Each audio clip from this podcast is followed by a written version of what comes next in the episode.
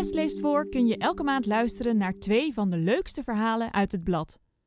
Volg ons op Spotify, iTunes of Soundcloud om niks te missen. Zodra ik de voordeur open doe, sprint Koos naar binnen. Op zijn voorhoofd zit een zwarte veeg. Waar ben je nu weer geweest? Koos negeert de vraag en springt op het aanrecht. Niet op het aanrecht. Hop, hij vlucht alweer door de achterdeur naar buiten. Waar ga je eigenlijk heen, denk ik? En wat doe je de hele dag buiten? In het wild heeft een poes een leefgebied van ongeveer 1 hectare, vertelt Claudia Vinke, gedragsbioloog aan de Universiteit Utrecht. Dat is ongeveer 100 bij 100 meter. Al kan de grootte variëren afhankelijk van hoeveel voedsel er is. Rond de jachtgebieden van zo'n drie of vier poezen zwerft doorgaans één kater. Een wilde kater heeft dus eerder een territorium van 4 of 5 hectare. Het centrum van het leefgebied van een kat is zijn of haar kernterritorium, legt Vinke uit. Dit is de plek waar de kat zijn vangsten heen brengt of waar een poes haar nest verzorgt. Het is ook de plek om te slapen. Hier wil een kat zich veilig kunnen afzonderen, vertelt ze. Voor een huispoes is het huis het kernterritorium. En het jachtgebied is doorgaans de tuin met een paar straten rond het huis, zegt Vinke. En Koos? Een kater loopt gemiddeld wat verder van huis dan een poes net als in de natuur. In het wild zijn katten net leeuwen, zegt Vinke. Ook leeuwinnen hebben ieder een eigen territorium. Rond een groep leeuwinnen zwerft meestal één leeuw. Als er genoeg voedsel is, kunnen ze zelfs als leeuwinnen een groep vormen. Zo komt het voor dat vrouwelijke familieleden samen voor een groep jongen zorgen. Ze wisselen af wie op jacht gaat en wie op de kleintjes let. Maar anders dan leeuwinnen zullen poesen nooit samen gaan jagen. En loopt er weinig voedsel rond, dan is het ieder voor zich. Een leeuwenleven kent ook gevaar. Net als een leeuw zal een kater de jongen doodbijten van poesen die hij niet gedekt heeft, om daarna de poesen zelf te dekken, zodat alleen zijn eigen lijn blijft voortbestaan.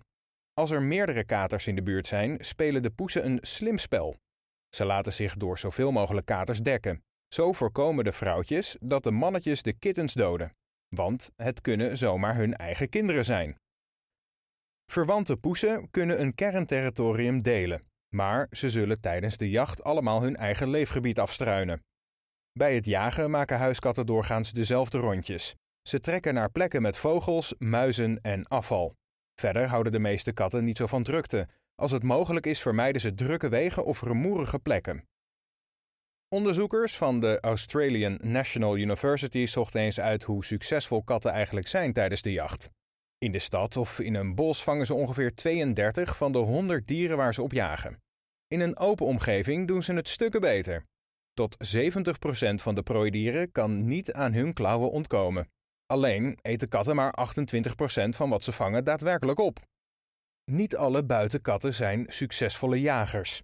De jacht is voor huisdieren natuurlijk ook niet nodig om te overleven. Hun bakje wordt toch wel gevuld. Maar Vinken wijst erop dat het gaat om instinctief gedrag dat niet zomaar verdwijnt.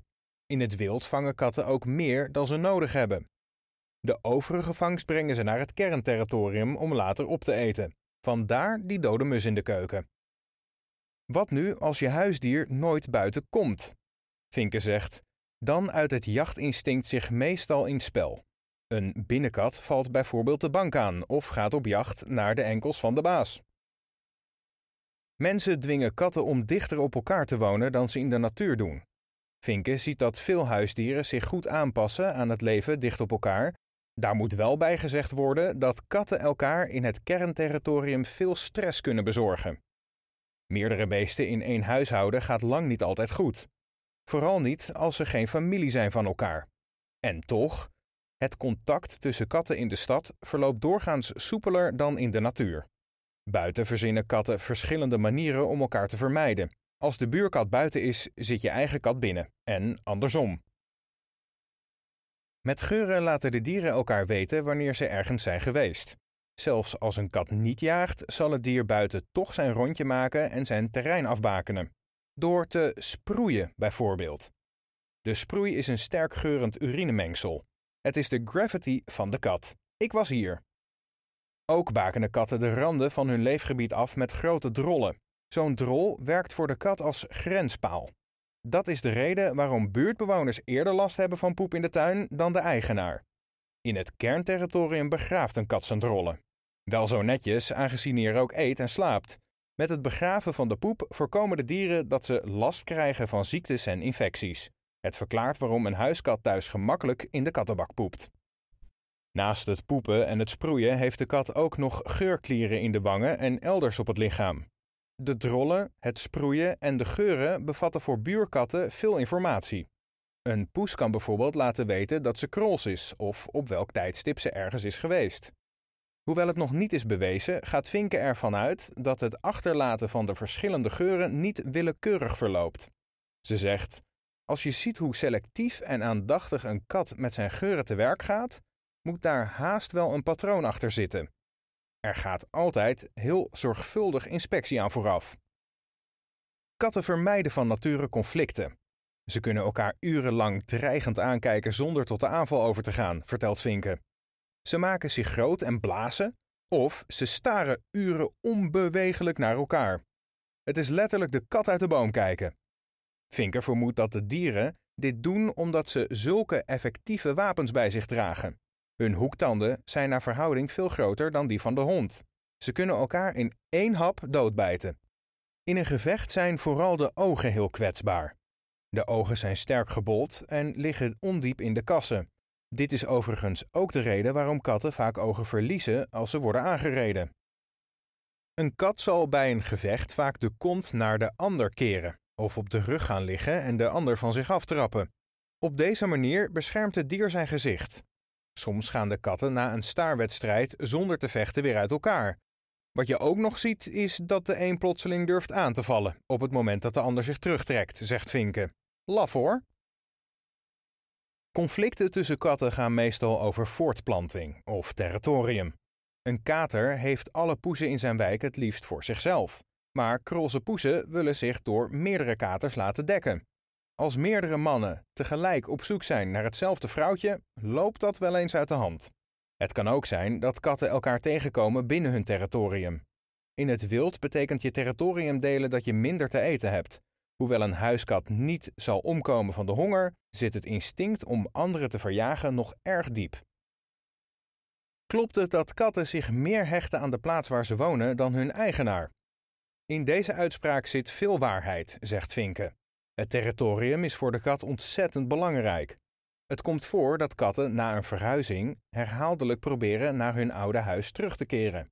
Niet omdat ze zo gehecht zijn aan hun oude baas, maar omdat ze gehecht zijn aan hun oude huis.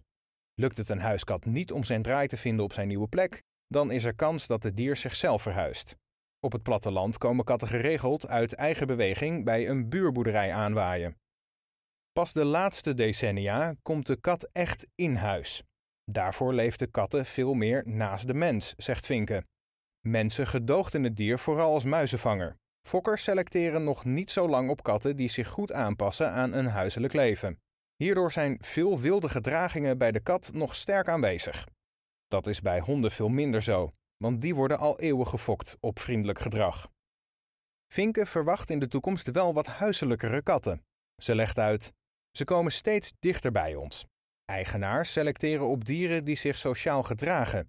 Bovendien zijn er steeds meer huishoudens met meerdere huiskatten, waardoor we ook selecteren op dieren die zich sociaal gedragen tegen elkaar.